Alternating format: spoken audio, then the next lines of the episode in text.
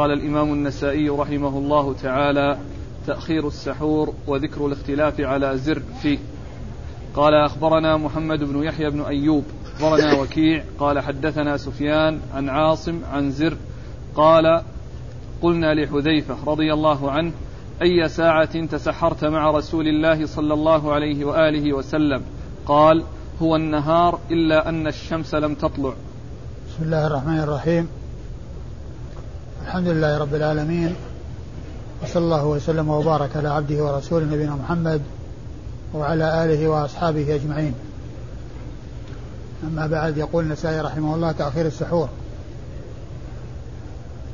هذه الترجمة كما هو واضح المراد منها بيان استحباب تأخير السحور وقد مر الحث على السحور وهنا أتى بما يتعلق بتأخيره حتى يكون قريبا من الصيام فتحصل فائدته وهي حصول التقوي على العبادة. بخلاف ما إذا قدم كثيرا فإنه لا يحصل المطلوب. كما ينبغي مثل ما إذا أخره. ولهذا جاءت السنة عن رسول الله صلى الله عليه وسلم بتأخير السحور وتعجيل الفطر. تأخير السحور وتعجيل الفطر. وقد أورد النسائي عدة حديث منها حديث حذيفة رضي الله عنه. وقد سئل أي ساعة تسحرت مع رسول الله صلى الله عليه وسلم؟ قال هو النهار إلا أن الشمس لم تطلع. وهذا اللفظ فيه إشكال. فمن العلماء من فسره كما في الحاشية بأن قوله النهار النهار الشرعي وهو الذي يبدأ بطلوع الفجر من طلوع الفجر إلى غروب الشمس هذا هو النهار الشرعي. وقوله إلا أن الشمس لم تطلع تأوله بأن المقصود من ذلك الفجر وهو طلوع الفجر. لكن ذكر الشمس واضح فيه لكن يبقى الإشكال في معناه. وذلك أن الصيام كما جاء في القرآن وكما جاء في الأحاديث أنه يكون أو بداية الصيام تكون عند طلوع الفجر تكون عند طلوع الفجر كما جاء في القرآن. وكذلك أيضا جاء في السنة أنها تكون عند طلوع عند عند أذان المؤذن للفجر للنداء الثاني.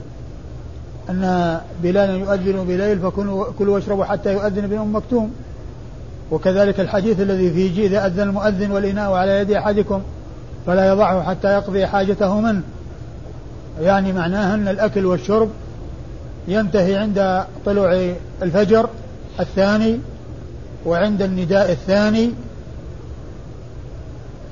وذلك أن النداء نداء أول ونداء ثاني فالنداء الأول يمنع صلاة الفجر ويحل الأكل والشرب لمن يريد أن يصوم والنداء الثاني يبيح صلاة الفجر ويمنع الأكل والشرب لمن يريد أن يصوم فالأحاديث جاءت عن رسول الله عليه الصلاة والسلام في أن بداية الصيام إنما هي. إنما هي طلوع الفجر أو الأذان الثاني الذي هو إعلام والذي يكون عند طلوع الفجر.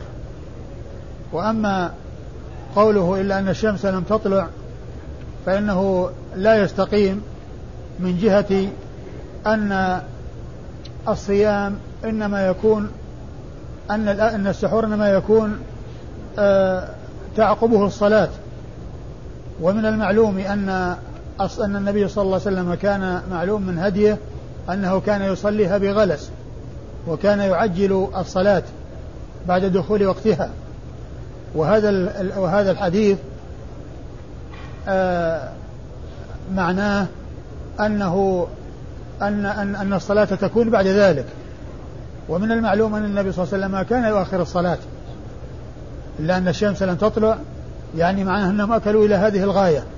ومن المعلوم أن الصلاة بعد ذلك فالإشكال واضح وهو لا يستقيم ولعل لعله إما أن يكون معلول من جهة أن عاصم بن أبي النجود صدوق له أوهام وهو حجة في القراءة أو من جهة أنه مخالف للأحاديث الصحيحة الثابتة عن رسول الله عليه الصلاة والسلام ومخالف لما جاء في القرآن فلا يصح العمل بما جاء فيه من جهة أن الإنسان يأكل ويشرب إلى هذه الغاية بل الأكل والشرب إنما يكون إلى طلوع الفجر وإذا طلع الفجر وأذن وأذن لصلاة الفجر الأذان الثاني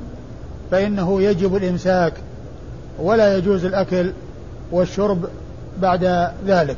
ثم النسائي رحمه الله ذكر بعد ذلك آه، أحاديث أو آثار موقوفة على حذيفة وفيها أنه كان رضي الله عنه يتسحر ثم يقوم إلى الصلاة وبين توقفه عن الأكل والشرب وبين دخوله في الصلاة وقتا يسيرا. وجاء أيضا ذلك مبينا في حديث زيد بن ثابت رضي الله عنه أنه كان بين السحور والصلاة مقدار قراءة خمسين آية. فهذا كله يبين لنا آه، عدم صحة ما جاء في حديث حذيفة رضي الله عنه. وعلى تأويل السندي في الحاشية يكون لا إشكال فيه لكن آه ذكر الشمس فيه وأنه يراد بها الفجر يعني هذا بعيد.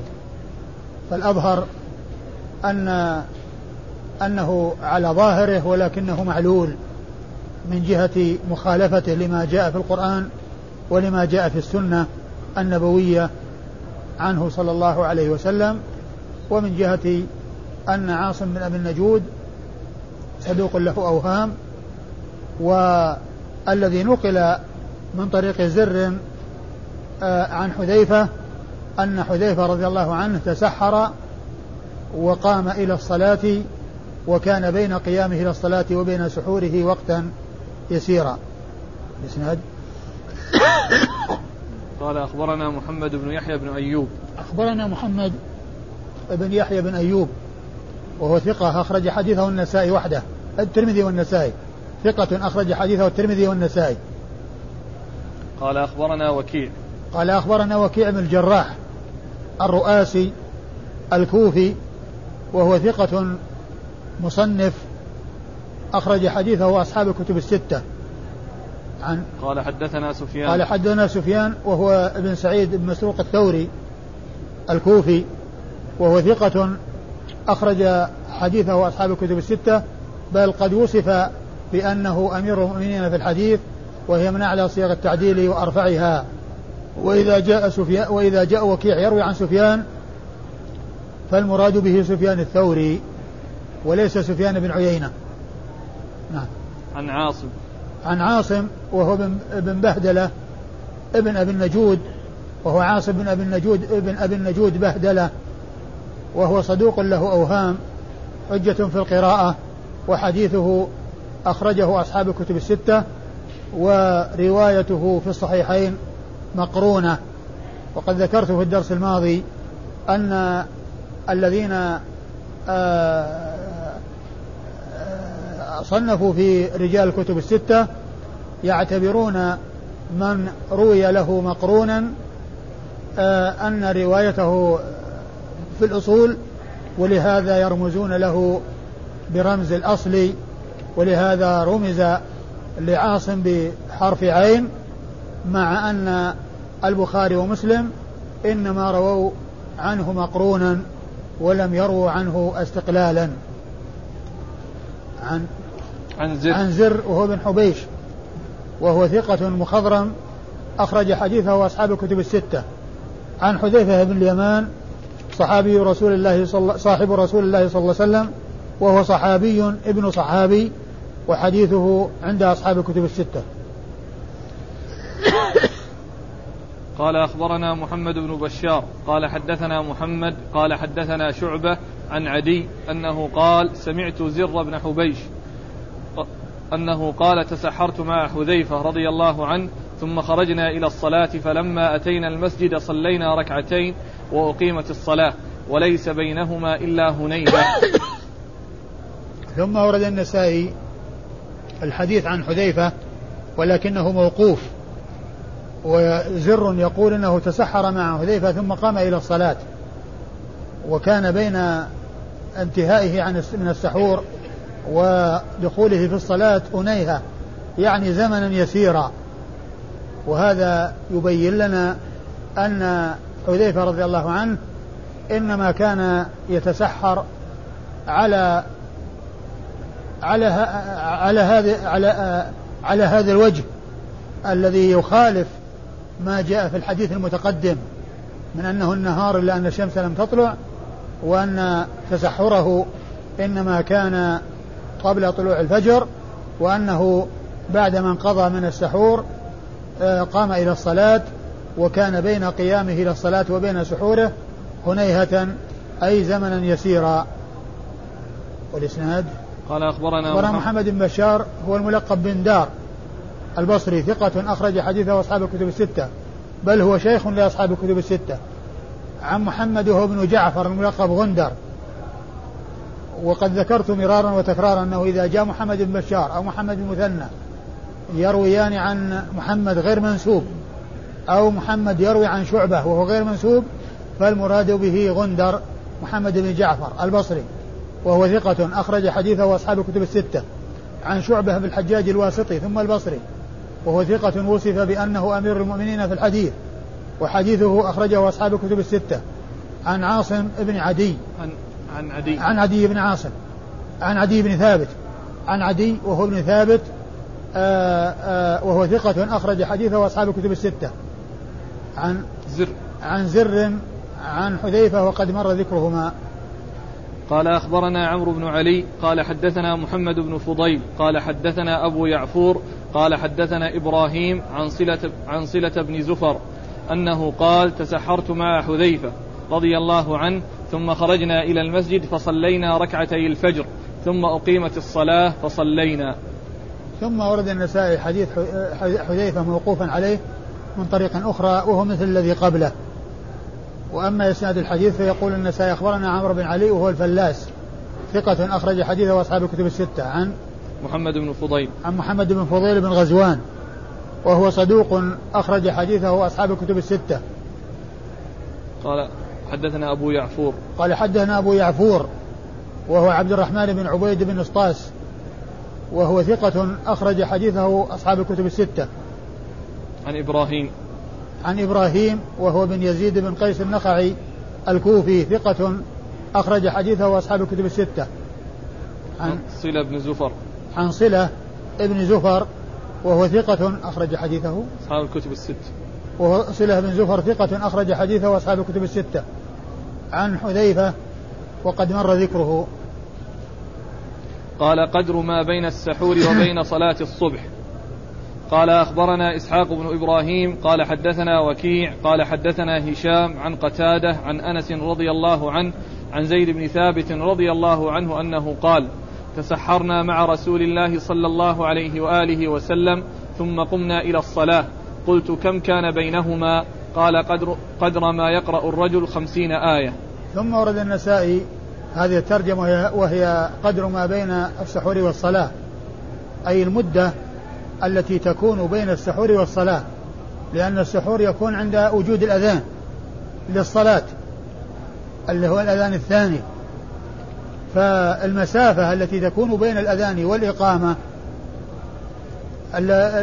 وهي التي تكون بين الامتناع عن الأكل والشرب لمن يريد أن يصوم وذلك عند حصول الأذان الثاني.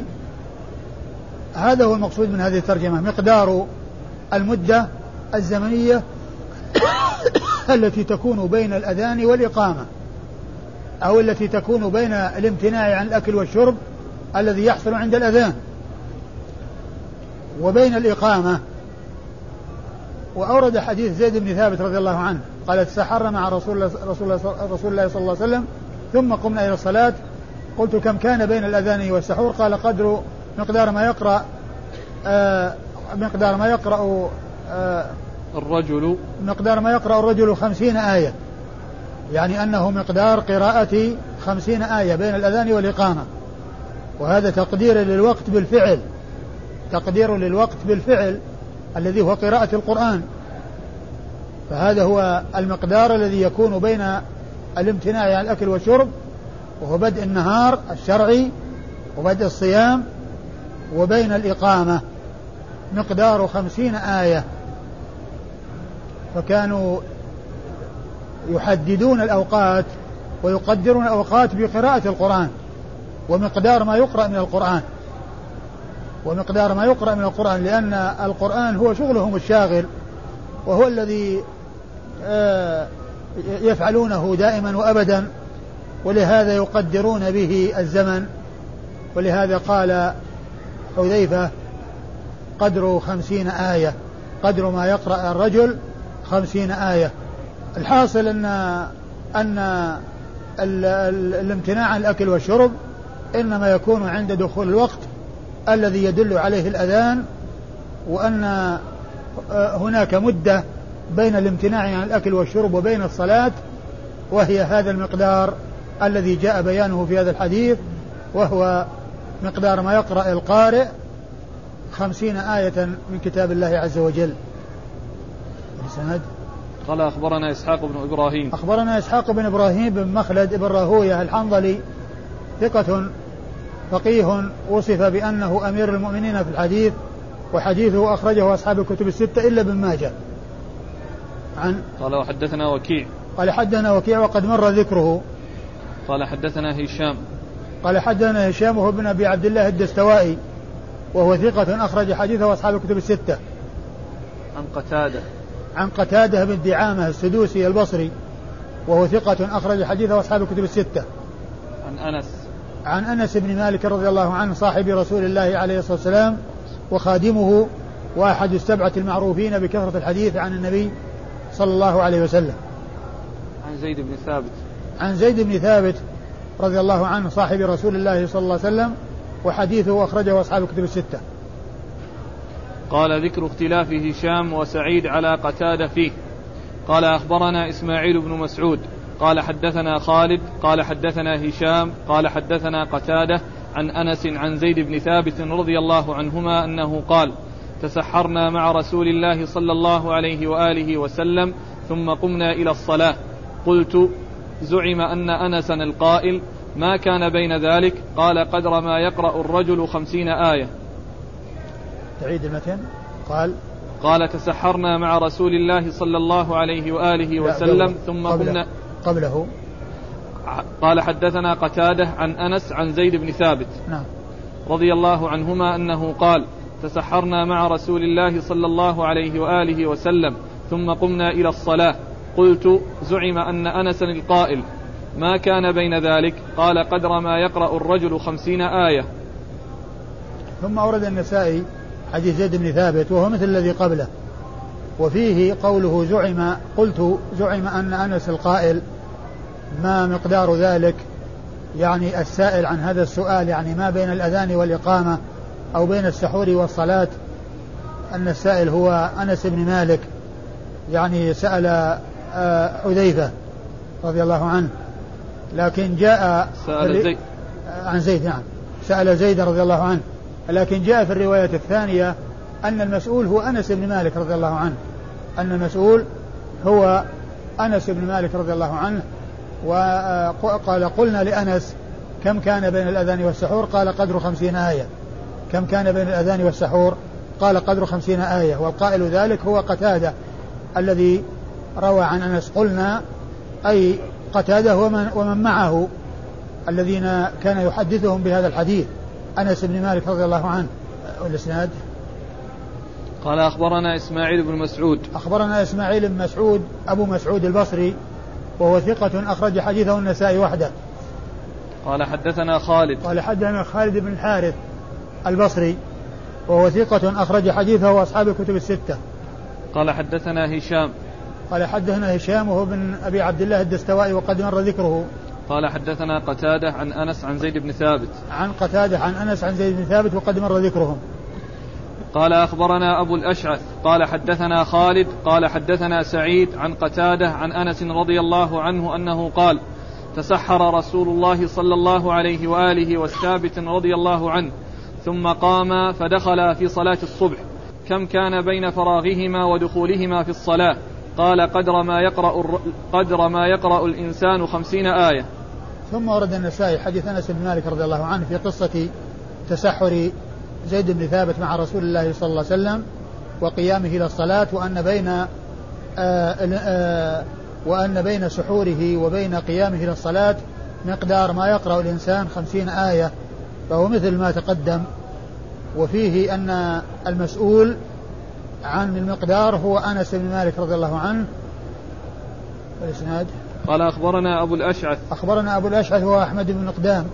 أحمد بن مقدام وهو صدوق أخرج حديثه. البخاري والترمذي والنسائي وابن ماجه. صدوق أخرج حديث البخاري والترمذي والنسائي وابن ماجه. قال حدثنا خالد. قال حدثنا خالد بن الحارث وقد مر ذكره. قال حدثنا سعيد. قال حدثنا سعيد بن أبي عروبة وهو ثقة من أثبت الناس في قتادة وحديثه أخرجه أصحاب الكتب الستة.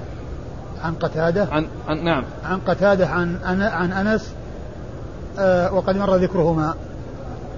يعني بارك الله فيك. سعيد أثبت من هشام في في حديث قتادة؟ ما أدري هل هو أثبت لكن آه، في التقرير قال من أثبت الناس في قتادة. فهل تكون يعني الرواية مقدمة ثانية على الأولى؟ لا هي كلهم بمعنى واحد. أقول كلهم بمعنى واحد ناحية المسؤول يعني والذي نعم. أجاب. ناحية المسؤول والذي أجاب. لأن في الأولى المسؤول ما يمنع ما يمنع أن يكون يعني أنس سأل زيد وأن يكون قتادة سأل أنس. وأن يكون يعني كل من الاثنين يعني حاصل. قال قال ذكر الاختلاف على سليمان بن مهران في حديث عائشة رضي الله عنها في تأخير السحور واختلاف ألفاظهم. قال أخبرنا محمد بن عبد الأعلى قال حدثنا خالد قال حدثنا شعبة عن سليمان عن خيثمة عن أبي عطية أنه قال قلت لعائشة رضي الله عنها فينا رجلان من أصحاب النبي صلى الله عليه وآله وسلم أحدهما يعجل الإفطار ويؤخر السحور والآخر يؤخر الإفطار ويعجل السحور. قالت أيهما الذي يعجل الإفطار ويؤخر السحور؟ قلت عبد الله بن مسعود. قالت هكذا كان رسول الله صلى الله عليه وآله وسلم يصنع. ثم ورد حديث عائشة رضي الله عنها في تأخير السحور وأن هذا فعل رسول الله صلى الله عليه وسلم. وأورد النسائي فيه حديث أبي عطية أنه جاء إلى عائشة رضي الله عنها وسألها وقال فينا رجلان من أصحاب رسول الله صلى الله عليه وسلم أحدهما يعجل الإفطار ويؤخر السحور والثاني يعجل السحور ويقدم آه، آه، آه، والثاني يعجل السحور ويؤخر الإفطار. فقالت أيهما أو من الذي يقدم الإفطار ويؤخر السحور؟ فقال عبد الله بن مسعود. فقالت هكذا كان رسول الله صلى الله عليه وسلم يصنع. أي أن فعل رسول الله صلى الله عليه وسلم وهدي رسول الله عليه الصلاة والسلام أنه هو تقديم الإفطار تعجيل الإفطار وتأخير السحور. تعجيل الإفطار وتأخير السحور. فهو دال على الترجمة من حيث آه، تأخير السحور وأن هذا هدي رسول الله صلى الله عليه وسلم. الإسناد قال أخبرنا محمد بن عبد الأعلى. أخبرنا محمد بن عبد الأعلى هو الصنعاني. وهو ثقة أخرج حديثه البخاري أخرج حديثه مسلم وأبو داود في كتاب القدر والترمذي والنسائي وابن ماجه. عن خالد نعم. هو بن الحارث البصري ثقة أخرج حديثه أصحاب الكتب الستة. قال حدثنا شعبة. قال حدثنا شعبة وقد مر ذكره. عن سليمان. عن سليمان وهو ابن مهران الأعمش. سليمان بن مهران الكاهلي الكوفي لقبه الأعمش. وهو ثقة أخرج حديثه وأصحاب الكتب الستة. عن خيثمة. عن خيثمة بن عبد الرحمن الكوفي وهو ثقة أخرج حديثه أصحاب الكتب الستة. عن أبي عطية. عن أبي عطية وهو عامر وهو مالك بن عامر الوادعي وهو ثقة أخرج حديثه أصحاب الكتب الستة إلا ابن ماجه. عن عائشة. عن عائشة أم المؤمنين رضي الله عنها الصديقة بنت الصديق وهي الصحابية التي روت الحديث الكثير عن رسول الله صلى الله عليه وسلم وهي واحدة من سبعة أشخاص عرفوا بكثرة الحديث عن النبي صلى الله عليه وسلم وهم ستة رجال وامرأة واحدة وهذه المرأة هي أم المؤمنين عائشة رضي الله عنها وأرضاها. قال أخبرنا محمد بن بشار قال حدثنا عبد الرحمن قال حدثنا سفيان عن الأعمش عن خيثمة عن أبي عطية أنه قال قلت لعائشة رضي الله عنها فينا رجلان أحدهما يعجل الإفطار ويؤخر السحور. والآخر يؤخر الفطر ويعجل السحور. قالت أيهما الذي يعجل الإفطار ويؤخر السحور؟ قلت عبد الله بن مسعود. قالت هكذا كان رسول الله صلى الله عليه وآله وسلم يصنع. ثم ورد النسائي حديث عائشة من طريق أخرى وهو وهي مثل ما تقدم. وأما إسناد الحديث فيقول النسائي أخبرنا محمد بن بشار. أخبرنا محمد بن بشار وقد مر ذكره. قال حدثنا عبد الرحمن. قال حدثنا عبد الرحمن وهو بن مهدي البصري ثقة. أخرج حديثه أصحاب الكتب الستة. قال حدثنا سفيان. قال حدثنا سفيان هو الثوري وقد مر ذكره. عن الأعمش. عن الأعمش. عن خيثمة. عن خيثمة عن, عن أبي عطية, عطية. وقد عن, عن عائشة وقد مر ذكرهم. قال أخبرنا أحمد بن سليمان. قال حدثنا حسين عن زائدة عن الأعمش عن عمارة عن أبي عطية أنه قال دخلت أنا ومسروق على عائشة رضي الله عنها فقال لها مسروق رجلان من أصحاب رسول الله صلى الله عليه وآله وسلم. كلاهما لا يألو عن الخير. أحدهما يؤخر الصلاة والفطر والآخر يعجل الصلاة والفطر. فقالت عائشة رضي الله عنها أيهما الذي يعجل الصلاة والفطر؟ قال مسروق عبد الله بن مسعود. فقالت عائشة رضي الله عنها هكذا كان يصنع رسول الله صلى الله عليه وآله وسلم. تريد المتن؟ عن أبي عطية أنه قال دخلت أنا ومسروق على عائشة رضي الله عنها فقال لها مسروق رجلان من أصحاب رسول الله صلى الله عليه وآله وسلم كلاهما لا يألو عن الخير أحدهما يؤخر الصلاة والفطر والآخر يعجل الصلاة والفطر فقالت عائشة رضي الله عنها أيهما الذي يعجل الصلاة والفطر؟ قال مسروق عبد الله بن مسعود فقالت عائشة رضي الله عنها هكذا كان يصنع رسول الله صلى الله عليه وآله وسلم. ثم ورد النسائي حديث عائشة من طريق أخرى وهي مثل, مثل التي قبلها وابن مسعود رضي الله عنه هو الذي يؤخر هو الذي يعجل يعجل الصلاة والفطر أي أنه يبادر إلى الإفطار عند غروب الشمس ولا يؤخر الإفطار ولا الصلاة. والإسناد؟ قال أخبرنا أحمد بن سليمان. أخبرنا أحمد بن سليمان الرهاوي وهو ثقة أخرج حديثه النسائي وحده. قال حدثنا حسين. قال حدثنا حسين بن علي الجعفي وهو ثقة أخرج حديثه وأصحاب الكتب الستة. عن زائدة بن قدامة وهو ثقة أخرج حديثه وأصحاب الكتب الستة. عن الأعمش عن عمارة. عن الأعمش وقد مر ذكره عن عمارة بن عمير وهو ثقة أخرج حديثه وأصحاب الكتب الستة. عن أبي عطية. عن أبي عطية وقد مر ذكره. ومسروق. ومسروق ليس من رجال الإسناد وإنما عطية آه أبو عطية كان هو مسروق دخلوا على عائشة وسألها والذي يروي في الإسناد هو أبو عطية. ومسروق هو بن الأجدع وهو ثقة حديثه عند أصحاب الكتب الستة لكن ليس هو من رجال الإسناد وإنما جاء ذكره لأنه كان معه لما دخل على عائشة. قال أخبرنا هناد بن السري عن أبي معاوية عن الأعمش عن عمارة عن أبي عطية أنه قال دخلت أنا ومسروق على عائشة رضي الله عنها فقلنا لها منين؟ رجلان من أصحاب محمد صلى الله عليه وآله وسلم أحدهما يعجل الإفطار ويعجل الصلاة والآخر يؤخر الإفطار ويؤخر الصلاة فقالت أيهما يعجل الإفطار ويعجل الصلاة؟ قلنا عبد الله بن مسعود. قالت هكذا كان يصنع رسول الله صلى الله عليه وآله وسلم والآخر أبو موسى رضي الله عنهما. ثم ورد النسائي حديث عائشة رضي الله عنها وهو مثل ما تقدم وفيه أنهم سألوا جميعا. وفي بعض الروايات المتقدمة أن الذي سأل مسروق وفي بعضها أن الذي سأل أبو عطية. وهذه الرواية الأخيرة فيها الجمع بين بينهما وأن السؤال حصل منهما جميعا وأنه أحيانا ذكر أن السائل مسروق وهو سائل بالفعل وفي بعضها أنه أبو يعفور وهو سائل بالفعل وفي هذه الرواية أنهم سألوا جميعا. فالجمع بين كون السائل مسروق وكون السائل أبو عطية أنهما سألا جميعا.